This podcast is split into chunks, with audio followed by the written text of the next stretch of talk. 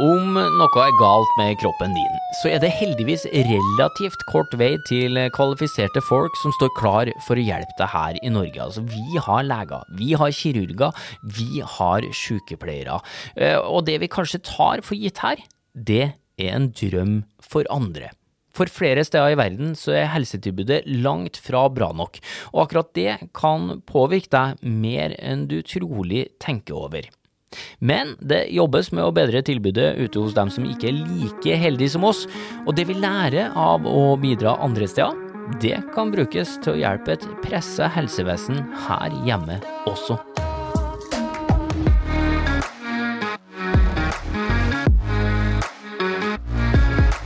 Du hører podkasten Smart forklart med Aksel Faanes Persson. Hjertelig velkommen til en ny episode av Smart forklart podkasten fra oss i Sintef der du risikerer å bli litt klokere og få litt større tro på framtida for hver eneste gang du lytter innom. I denne episoden så skal du annet få høre om folk som lærer seg å gjøre kirurgiske inngrep på rekordtid, og hørselshjelp som endrer liv, alt med mål om å bedre den globale helsa. Og den der globale helsa den påvirker faktisk deg også. Eh, mer om det straks. Må bare introdusere en knallsterk lagoppstilling her først, med to leger, faktisk, og en forskningsleder. Eh, Håkon Angel Bolkan, Charlotte Haug og Stine Hellum Bråten, velkommen. Takk, takk, takk, takk. Det er av og til jeg savner publikum her, altså, for at nå burde vi hatt eh, applaus. men, men eh, Bølgen går. ja. Håkon, bare introduser deg sjøl. Det er en vanskelig oppgave, men du er altså jeg er kirurg på eh, St. Olav, overlege i mage-tarm-kirurgi. Og så er jeg førsteamanuensis i global helse på NTNU. Og så er jeg også styreleder i en organisasjon som heter Kapaker, som driver med kirurgisk opplæring i eh, Vest-Afrika. Ja, og der tror jeg man rett og slett kan finne på å bli glad i i løpet av denne episoden, når man hører hva du gjør for andre mennesker. Og man blir jo ikke noe mindre glad i dere to andre heller, da. Charlotte, du er Jeg er seniorforsker i Sintef, og så er jeg lege. Og så jobber jeg i uh, New England Journal of Medicine. Ja, og det må vi si, da. At det er jo ikke hvilket som helst eh, magasin det der, da. Altså det er verdens mest prestisjetunge medisinske tidsskrift, er ikke det? Jo, det er det. Ja. Det, hva syns vi om det, folkens? Ja, det er imponerende. Ja. Mm. Starstruck her. Ja. ja, ikke sant. Eh, kjempebra. Og så Stine, du er? Jeg er forskningsleder i Sintef. Leder Global helsegruppa. Eh, og så jobber jeg med, som forsker også, seniorforsker. Så jeg har holdt på med global helseforskning i 20 år. Ja. Og er antropolog, da. Så noe litt annet enn disse to andre her. Bra miks, og global helse er altså ett av mange områder der NTNU og vi i Sintef forener kunnskap og muskler for å gjøre ting eh, bedre. Men um, for å ta det, da, hva er definisjonen, eller stille på en annen måte, hva, hva legger vi i global helse, Stine? Altså, først og fremst så uh, er jo helse globalt. Uh, så, så, det har vi jo sett f.eks. nå under pandemien, at uh, det som skjer i et annet land, det påvirker også oss. Noen som har covid i et annet land, det kan like gjerne påvirke oss, og det gjorde det jo i aller høyeste grad. Mm. Og det her har vi jo sett lenge. altså Antibiotikaresistens, eller motstandsdyktighet mot antibiotika, kjenner jo ingen grenser. Og vi mm. blir påvirka av uh, mikrober fra hele verden. Og, og, og da er, må man ha et global tilnærming. Og Det er også viktig å tenke at uh, global helse er en del av det å minske ulikheter generelt i helse. At uh, ulikheter, enten i levestandard eller helse, skaper konflikter. Og det skaper flyktningstrømmer, og det skaper vanskelige forhold, eh, som også angår oss. Og Derfor så ser vi også at eh, global helse er både en slags sånn idealistisk tilnærming. Altså vi ønsker å gjøre det bedre for folk som ikke har det så bra, altså folk i fattige land. Men det er også egoistisk. For vi ønsker å gjøre det så bra som mulig for oss selv.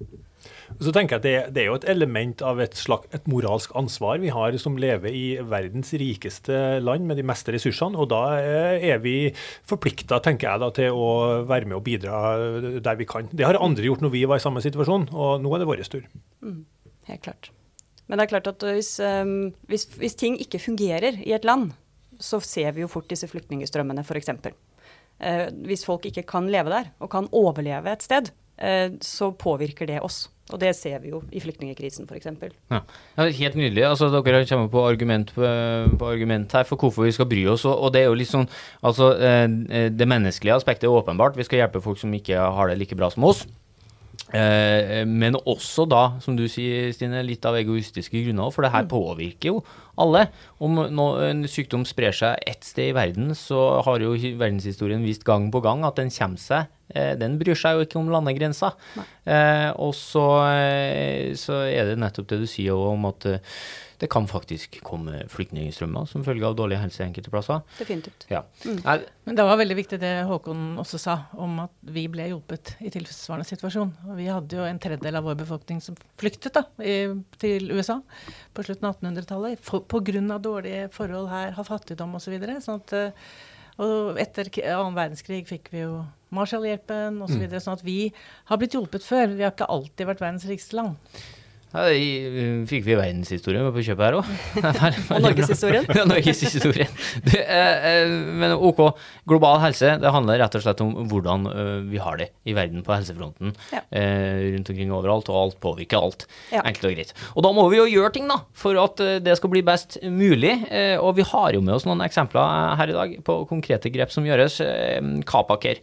For eksempel da, eh, Håkon. Eh, det er jo eh, din suksesshistorie og ditt hjertebarn.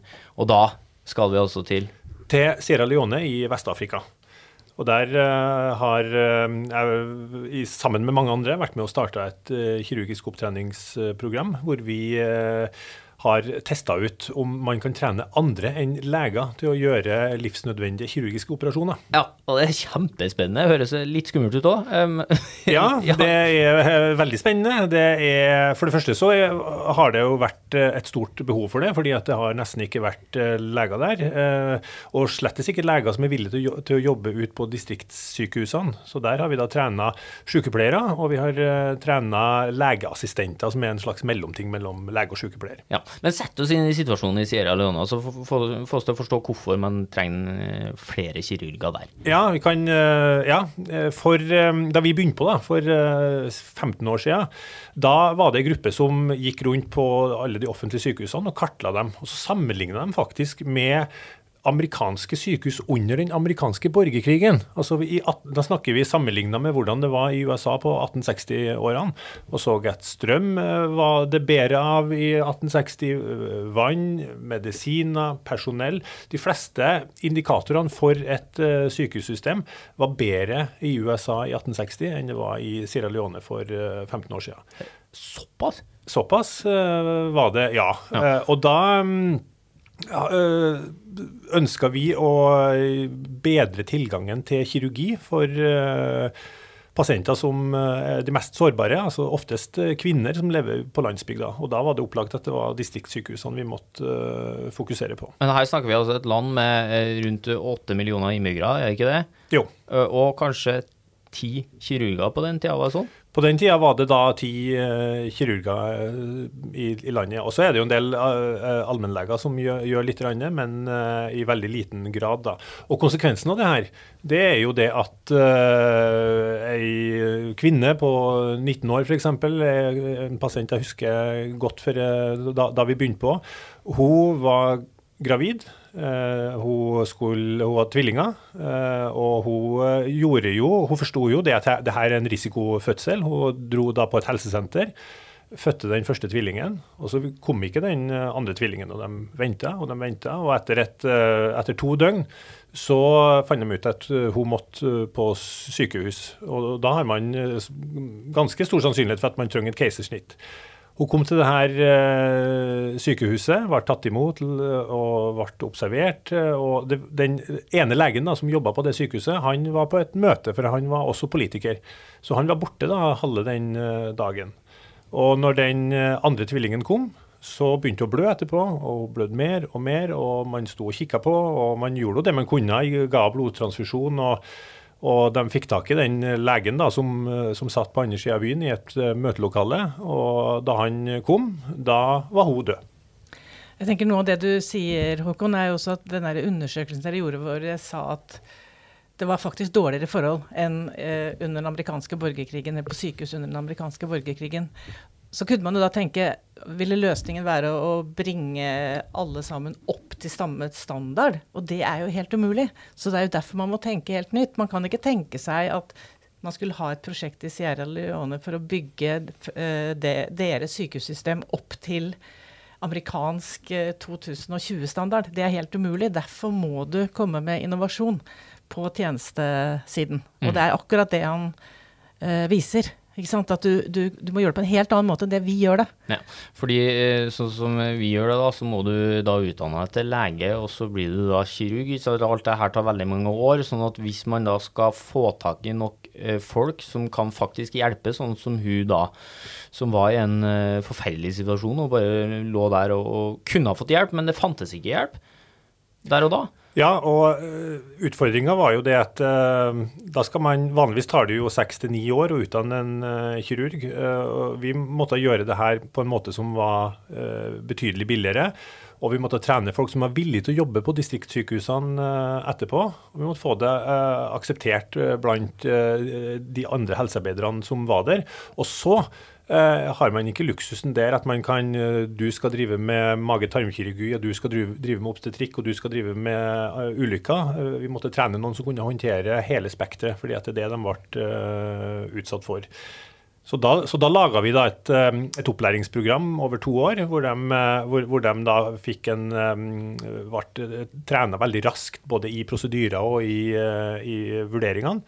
Og, og, etter to år så hadde de fleste eh, til oss de hadde gjort nesten 1000 operasjoner. Som er like mange som, som man gjør på seks år her hjemme i sin spesialisering. Altså Istedenfor å vente i ni år, da, eh, så klarer dere da å utdanne folk på to år?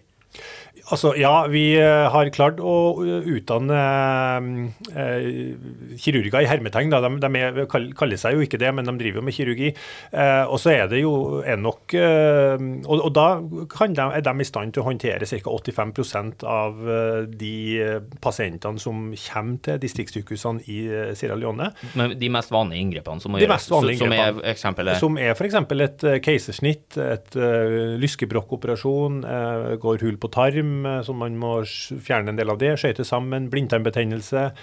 Eh, ulykker. Eh, de driver med hudtransplantasjoner. De, uh, de fikser brudd. Men, men, men, hvordan lærer de her, det, alt det her på to år?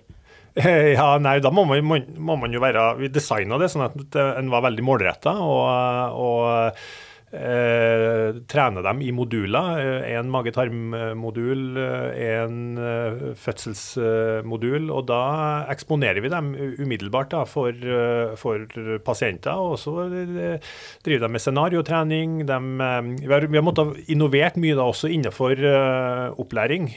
Og vi har f.eks. Hatt et samarbeid med en amerikansk gruppe som har 3D-printa modeller av lysken. og da kan vi kan vi da legge på litt plastikk her, litt gummi der og sånn. Så, så eh, lager man en slags anatomisk modell, og så gjør man prosedyrene da 10-20-30-40 ganger på det. Eh, og så er man mye mer, mer i stand til å, å raskere kunne teknikken når man skal operere på mennesker. Ja. VR, simulering og sånn? Ja, VR har ikke vi begynt med ennå. Det er datatilgjengelighet. Og eh, altså den, den IT-kunnskapen og, og, og, nettilgangen er ganske dårlig, så VR har vi ikke brukt. Men på sikt?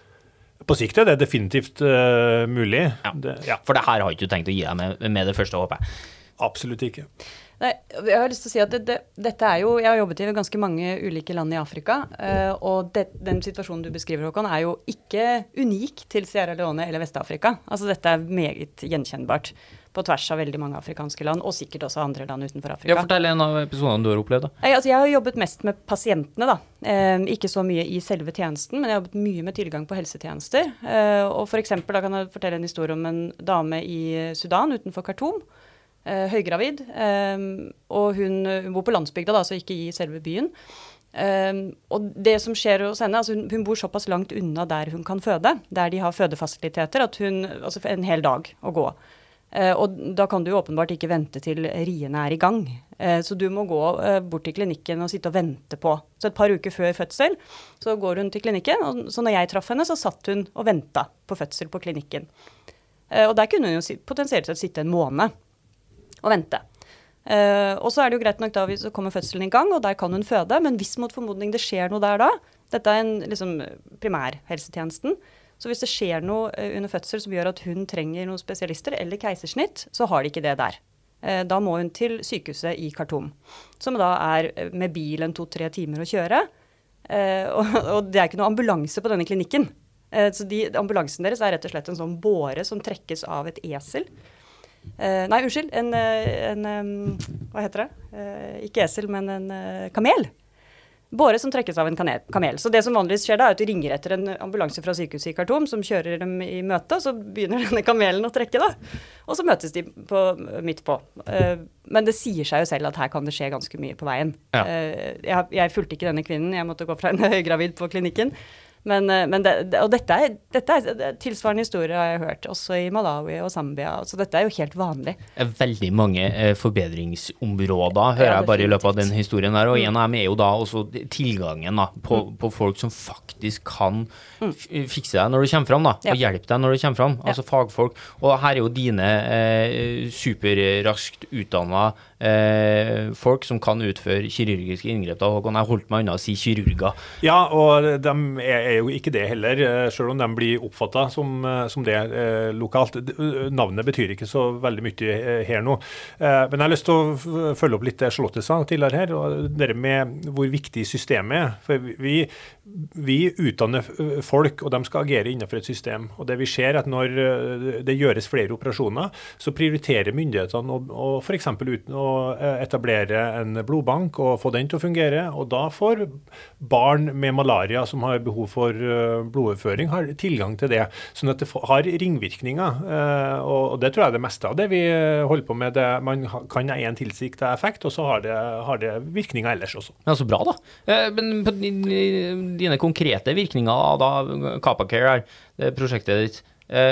Hvor mange sånne ja, Hva skal vi kalle dem da, når vi ikke kan kalle dem kirurger? Nei, ja, vi, la, la, oss kalle dem kirurger. Ja, i programmet gjøre det nå, da? Ja. Hvor mange kirurger har det ført til? Nei, vi har eh, da i løpet av en uh, ti år nå, så har vi uh, trena 80 stykker.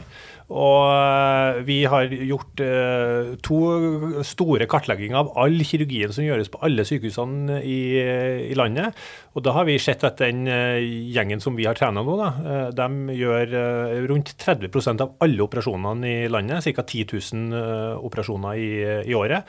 Og det er mm, kanskje 30% av dem er keisersnitt. Og det, de fleste av de keisersnittene igjen er et keisersnitt hvor det står om liv og død for enten mor eller barn. Fantastisk. Altså, ja, det, er fantastisk. Nå skulle vi hatt publikum her igjen, vet du. Applaus. ja. Men altså, det, det, her har jo uten tvil redda mange liv, da.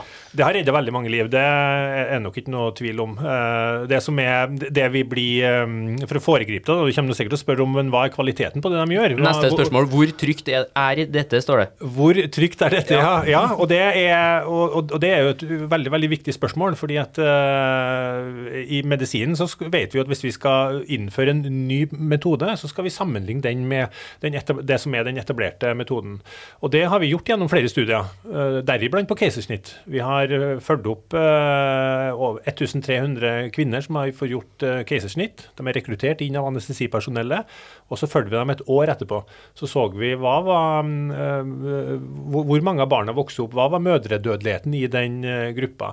Og da så vi at uh, de her gruppa av ikke-leger de hadde faktisk bedre resultater enn uh, det eksisterende systemet. Det er jo helt vilt. Og så er det jo sånn at Men, men de har erfaring fra før i form av noe, at de har vært sykepleiere? Ja da, de, vi tar dem ikke inn fra gata og trener dem. De har uh, treårig utdann, helseutdanning i bunnen, tilsvarer en sykepleier. Og så har de to år praksis. Og veldig mange av dem som blir trena, de uh, leder helsesenter med, med 5 000-10 000 pasienter. Så de er for i praksis så er de nok allmennleger, de vi trener. Det, det er det ekvivalente gruppa. Mm. Fantastisk. Eh, og mens vi snakker om eh, fantastisk, da, Charlotte, nå har du eh, sittet og, og, hørt lenge på her. Det er på tide å slippe det til. Du har jo også et eksempel. I Hear You heter det prosjektet som da går ut på Det går ut på å sjekke hørselen til barn. Og hvorfor gjør man det? Jo, fordi at det at barn hører, er helt avgjørende for at de skal kunne følge med på skolen. At de skal kunne få seg en utdannelse, at de kan, skal kunne leve. Og dette er et godt eksempel på et prosjekt hvor vi da ikke starter med metode, men starter med behovene. Beho fordi det er så viktig å finne ut hvor mange barn, ikke som er døve, men som har litt redusert hørsel. Kanskje gir det seg utslag i atferdsforstyrrelser, at de ikke følger med, ikke klarer å konsentrere seg. Og det er det vi har gjort i dette prosjektet. Uh, i, og det er å kartlegge ved hjelp av nettbrett og litt forskjellig teknologi hørselshemming hos barn. I Tanzania? Ja, ja. i Tanzania. Og da trodde vi jo uh, at det skulle være at man skulle få behov for noe veldig avansert teknologi, noe avanserte høreapparater osv. Men så viste det seg at veldig mange hadde bare voks i ørene. Nei. Og dermed så var et, et, en viktig del var faktisk å få det fjernet for at de skulle høre, eller fremmedlegemer inn i øret f.eks. Så da er det eh, dere har gått inn og faktisk bidratt veldig sterkt med, å avdekke ørevoks, er det det du sier? Ja, eller hørselsproblemer som rett og slett skyldes at noe er tett i ja. øregangen. Og at uh, Ja, men Så bra at det kan løses så enkelt. Da. Ja, og da, ja. Det skal jo også legges til altså dette, uh, måten man avdekker dette på, det er jo det som er, har vært en spennende innovasjon her, da. Eh, at man har utviklet en hørselscreening-teknologi. Eh, fordi vanligvis er det jo eh, audiologer og veldig spesialister som må inn og, og identifisere hørselstap.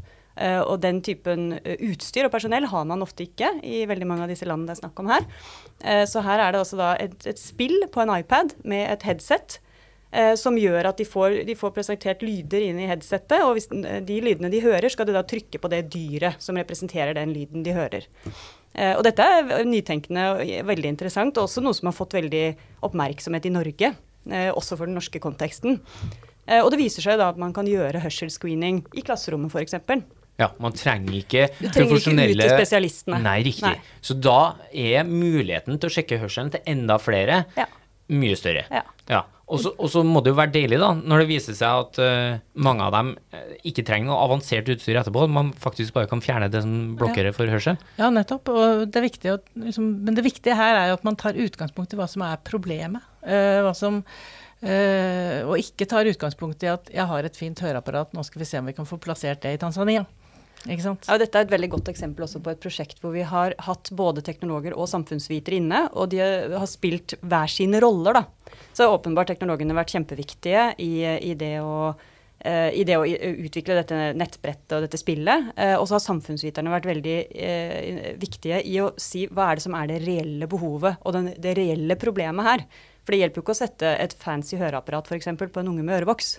Eh, så du må jo se hva er det som faktisk er problemet. Og det tenker jeg litt, Vi er inne på en av særegenhetene med global helse òg, som er veldig tydelig. At man må ha en veldig bred tilnærming. Eh, og, og at man eh, samarbeider på tvers. Det, det, gjør vi jo i selvfølgelig de fleste områdene, men det tror jeg er spesielt viktig i global helse. Ja. Ja. Men effekten av akkurat det her da, i Hear Ja, det er jo kjempemessig for de barna det gjelder. ikke sant? Fordi at det, det å ikke høre, eh, og så bli ukonsentrert og bli bare ja, Stort sett så eh, går du da ut av skolen, f.eks. Uh, og det, det, har jo enorme konsekvenser for, for liv videre. Ja, Du går, går, ut av skolen, ikke at du, du, du går ikke ut utdanna. Du faktisk ja, dropper går, ja, ut av skolen. Ut, dropper ut, eller man, liksom, du får ikke noe ut av det. Nei. ikke sant? Og det, det er, Vi vet jo så mye om hva utdanning gjør for livet videre. Mm, mm. Ikke sant? Sånn at det der, og, og, og, kanskje blir man også stigmatisert. Kanskje tror man at, man er, at dette er en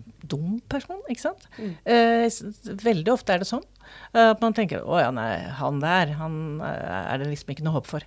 Sånn at det er kjempeviktig. En såpass enkel ting rett og slett. Ja, fantastisk. Og det er jo liksom, jeg blir jo litt oppløfta av å høre på dere alle. For at eh, som dere òg sier, e, ett grep på ett sted gir jo ringvirkninger. Det løfter mm. på flere områder. Mm. Um, og bare for å ta den nå, da, Stine. altså Utviklinga i verden går jo riktig vei på det her. Altså, det kan jo være litt sånn at vi, når vi hører om den kamelen som drar en båre for å møte mm. ambulansen, altså vi sitter jo kanskje og tenker at utviklinga går feil vei. men det, det går, det, ting er kanskje ikke så dystert som man tror? Nei, det er det ikke. Og, tror, og det har jo Hans Rosling og hans team borte i Sverige, Gapminder, har jo pekt på, har jobbet med dette i mange år og sett at uh, folk tror jo at ting er mye verre enn det de egentlig er.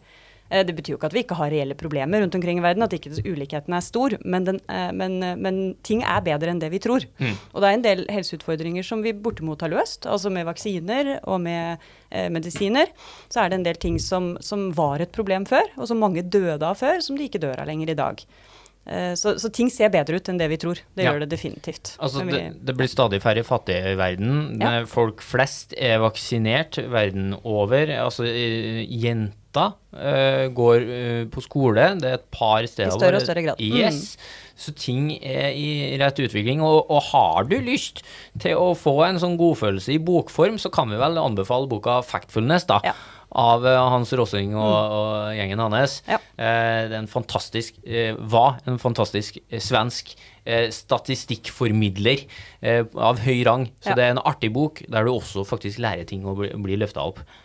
Vi har jo blitt stadig bedre til å måle verdens eh, sykdomsbyrde. Og, vi får bedre og bedre data på det nå. og Hvis man eh, tar et 30-årsperspektiv, så har det vært en voldsom forbedring i eh, de fattigste landene. Betydelig raskere reduksjon av sykdomsbyrden der enn i andre plasser i verden. Så det er en veldig, veldig positiv utvikling. Men det har bremsa opp nå etter, i forbindelse med pandemien. sånn at nå er vi igjen på et område område hvor, eh, hvor, ting kanskje snur. Så det er viktig å ha fokus på det her. Ja. Det viser jo også dette at global helse er globalt. Eh, for dette, det var virkelig bråstopp under pandemien mm. i mange av de programmene som man holdt på med. Og når det gjelder f.eks. skolegang og jenter, eh, har hatt dramatiske følger.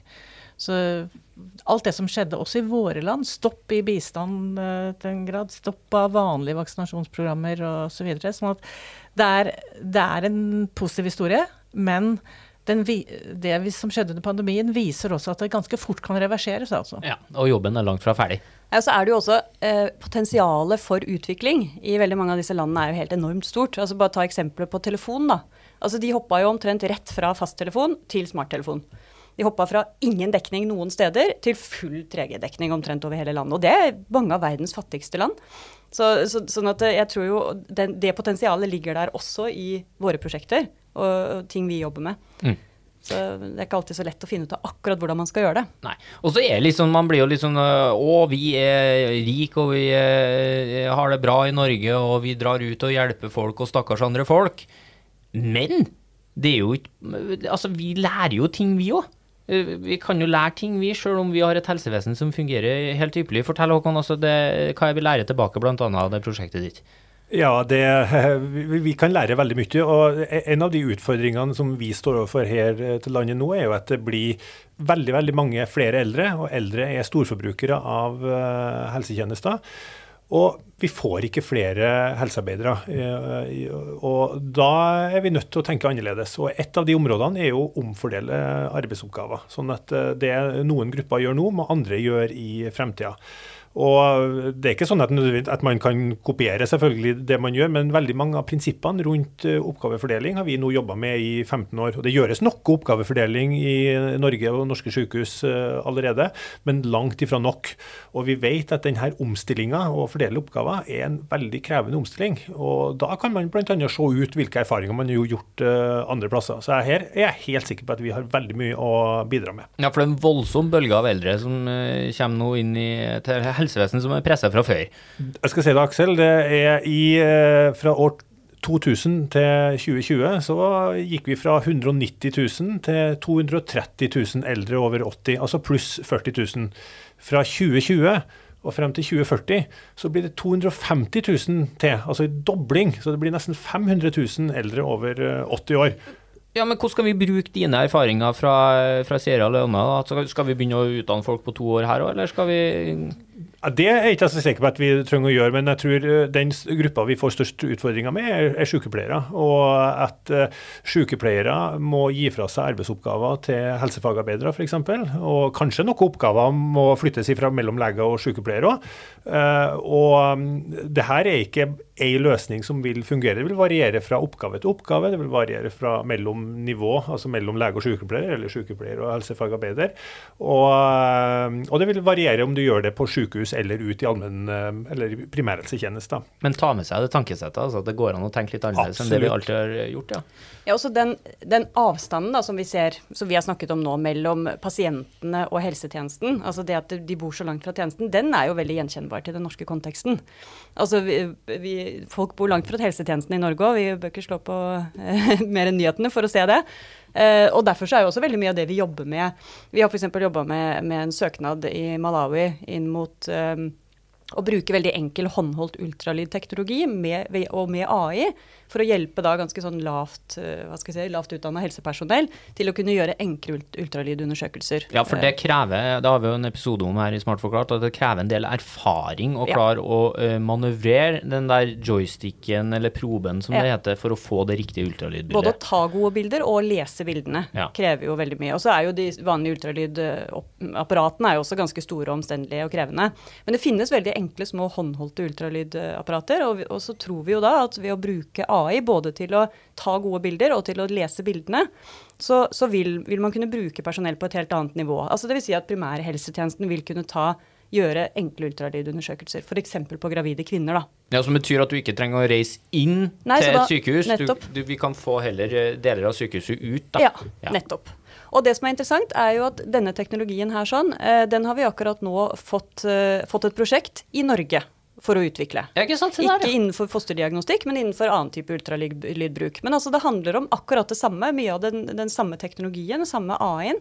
Eh, men det handler jo om, altså, om, å få ting ut der pasientene er, så ja. de slipper å reise til tjenesten. Noe som da starta som en tanke på et eh, globalt eh, helseprosjekt. Starta med Malawi, ja. mm. og, og, nå er de i Møre og Romsdal. Ja, fantastisk. Men så gjelder jo dette hva vi kan lære uh, av, uh, av, andre land. Uh, og ja, vi har en stor eldrebølge, og vi kan tenke oss at vi må akkurat som du sier, Håkon, eh, endre på hvem som gjør hva. Men vi kan jo også lære oss å tenke om eldre. Er det helsetjeneste de skal ha, eller skal de ha andre ting i livet sitt? Og at andre land ser helt annerledes på sine eldre enn det vi gjør. Ja, Hvordan da, mener du? Ja, de tar vare på dem, og de respekterer dem, og de tar dem inn som en del av, av, samfunnet. Og da blir kanskje ikke helsetjenestebehovet fullt så stort. Og det kan vi også lære litt av. Vi har jo typisk i Norge så er vi jo veldig individualistiske. Altså vi skal realisere oss selv, eh, og så skal vi ivareta vår nærmeste familie, altså barna våre og ektefellene våre. da. Eh, mens i et afrikansk samfunn så har de mye mer det de kaller ubuntu i Sør-Afrika, eller veldig mange afrikanske land. Altså vi, vi eksisterer sammen. Vi sameksisterer. Så vi tar vare på hverandre i storsamfunnet. Det betyr at nabokona passer på ungene, nabomannen eh, er ute og skaffer noe mat. Altså de, de sameksisterer. Det er ikke liksom disse små familieenhetene. Og da har jo de gamle en helt annen plass i det samfunnet. Og ivaretagelsen av de gamle har en helt annen plass. Mens vi putter de på institusjonen, da. I ja. vårt samfunn. Og da putta du utrolig litt dårlig samvittighet i enkelte av oss òg. men, men, det er gode poeng. Følg opp det Charlotte sier. Eh, det er jo også en form for oppgavedeling. Det at man flytter det fra helsetjenesten av helsearbeidere og inn til frivillige mm. eller naboen. Eller altså den gode gamle kaffekoppen kjøk over kjøkkenbordet. Sånne type ting. Ja. Uh, og, og, der har vi definitivt noe å lære av uh, resten av verden. Ja, og det gir jo potensielt litt eh, livsglede til deg som stikker innom og tar deg en kaffe nå, faktisk. Eh, så det, er ringvirkninger der òg. Kan du også si at vi har på en måte rigga oss sånn at dette er ikke så lett å få til, da? Når alle skal være i 100% jobb til de ja, for øyeblikket kanskje er rundt eh, et eller annet sted mellom 65 og 72, og innen jeg skal pensjonere meg, så sikkert, skal jeg sikkert jobbe til jeg blir 80. Altså, det er ikke så lett å få klemt inn den der ivaretakelsen av de gamle på toppen av det hele. Nei. Eh, så vi har rigga oss på en måte som, som, gjør at vi blir veldig avhengig av de statlige ressursene. Ja, Og det her kunne vi ha snakka om i, i, flere dager, og kjørt flere debatter på sikkert, og henta inn meninger fra folk på gata òg. Eh, så la oss bare gå tilbake helt da på det globale helsesporet, så kan vi heller ta Du bør hjelpe til mer med de eldre på hjemmebanesporet senere òg. Men det er gode tanker, da, må få sagt det, og det er nok et bevis da, på ting vi kan lære utenfra. Ta med inn til oss, og faktisk bruke til å hjelpe oss da, med å gjøre denne eldrebølgen til noe vi kan surfe på, istedenfor noe vi rett og slett eh, blir truffet rett i ansiktet av. Mm. Eh, men eh, for å ta det globale helsespørsmålet på slutten her, da. Altså, hvor bra er det mulig? For nå har vi fått eksempler på at små ting gir store effekter. Hvor bra er det da mulig å få den totale globale helsa i overskuelig framtid? Jeg tenker det er feil spørsmål. Jeg tenker heller eh, du burde spørre om eh, hvor, hvor, mye kan man, eh, hvor mye helse får man ut av det man investerer i det. Og jeg tar Et eksempel. Jeg sitter, som, jeg sitter i et styre på et sykehus i Sierra Leone. så Der vet jeg jo litt om budsjettene. Jeg vet jo også det på St. Olav. Det er et distriktssykehus med 100 senger, og de har et årlig budsjett på 5 eh, millioner og behandler altså titusenvis av pasienter. Og det eh, Budsjettet for hele det sykehuset tilsvarer tre til fire legelønninger på St. Olav. Så klart at eh, skal investere veldig veldig lite og få igjen enormt mye. Ja, Få veldig mye mer igjen for hver krone investert. Skjønner. Ja, det er absolutt uh, helt enig. Det er uh, veldig mye å få igjen. Mye vi kan forbedre. Uh, men vi må også huske på at den globale helsen henger sammen med samfunnsutfordringene generelt, og ikke minst f.eks. klima. Klimaendringene vil skape tørke, flom, sult, fattigdom. Ting som vil påvirke den globale helsen i negativ retning. Så vi må også jobbe på disse områdene i tillegg, selv om jeg er helt enig i at her kan vi gjøre veldig mye. Ja, Men alt henger sammen med alt? Alt henger sammen med alt. Ja, riktig. Så er det jo uh, viktig å huske på det. altså Endring tar tid, eh, og spesielt forskningsbasert og bærekraftig endring. Det tar veldig mye tid. Men vi har jo allerede skapt mye endring. Det har skjedd mye. Det har vært masse framgang. Eh, og så er det selvfølgelig fortsatt en vei igjen å gå. og Det tror jeg alltid det vil være. Eh, for nye, det oppstår alltid nye problemer når vi har løst noen, noen som har eksistert. Eh, men det går framover, og det er håp. Og jeg tenker at et lite skritt av gangen, så, så, så, så har vi god framgang her. Mm, nydelig. Og tusen hjertelig takk da for det dere bidrar med, og fortsett å ta de der stegene da, i, i, riktig retning. Takk for jobben dere gjør, rett og slett, og takk for at dere tok turen da, ja, innom her i Smart forklart. Takk, takk. takk skal du ha. Takk for invitasjonen. Mens vi er på takkrunden, takk også til deg som hører på. Det setter vi som alltid enormt stor pris på at du gjør. Og du må gjerne trykke på den følg- eller abonner-knappen om du liker det du hører, så får du beskjed neste gang vi legger ut noe nytt. Og syns du det tar altfor lang tid mellom hver episode, så minner jeg om at du alltids finner ferskt forskningsstoff på sintef.no, gemini.no, Sintef-bloggen eller ved å følge oss på Instagram, LinkedIn eller Facebook. Og har du ris, ros eller innspill til hva vi bør snakke om her i Smart forklart, så er vi ivrige etter å høre hva du mener. Så det er bare å sende eh, det du har på hjertet til smartforklart alfakrøllsintef.no. Smart forklart i ett ord der, da. Vi er tilbake med nye episoder om ikke så altfor lenge. Og i ventetida fram til da skal forskerne her i Sintef fortsette å utvikle teknologi for et bedre samfunn.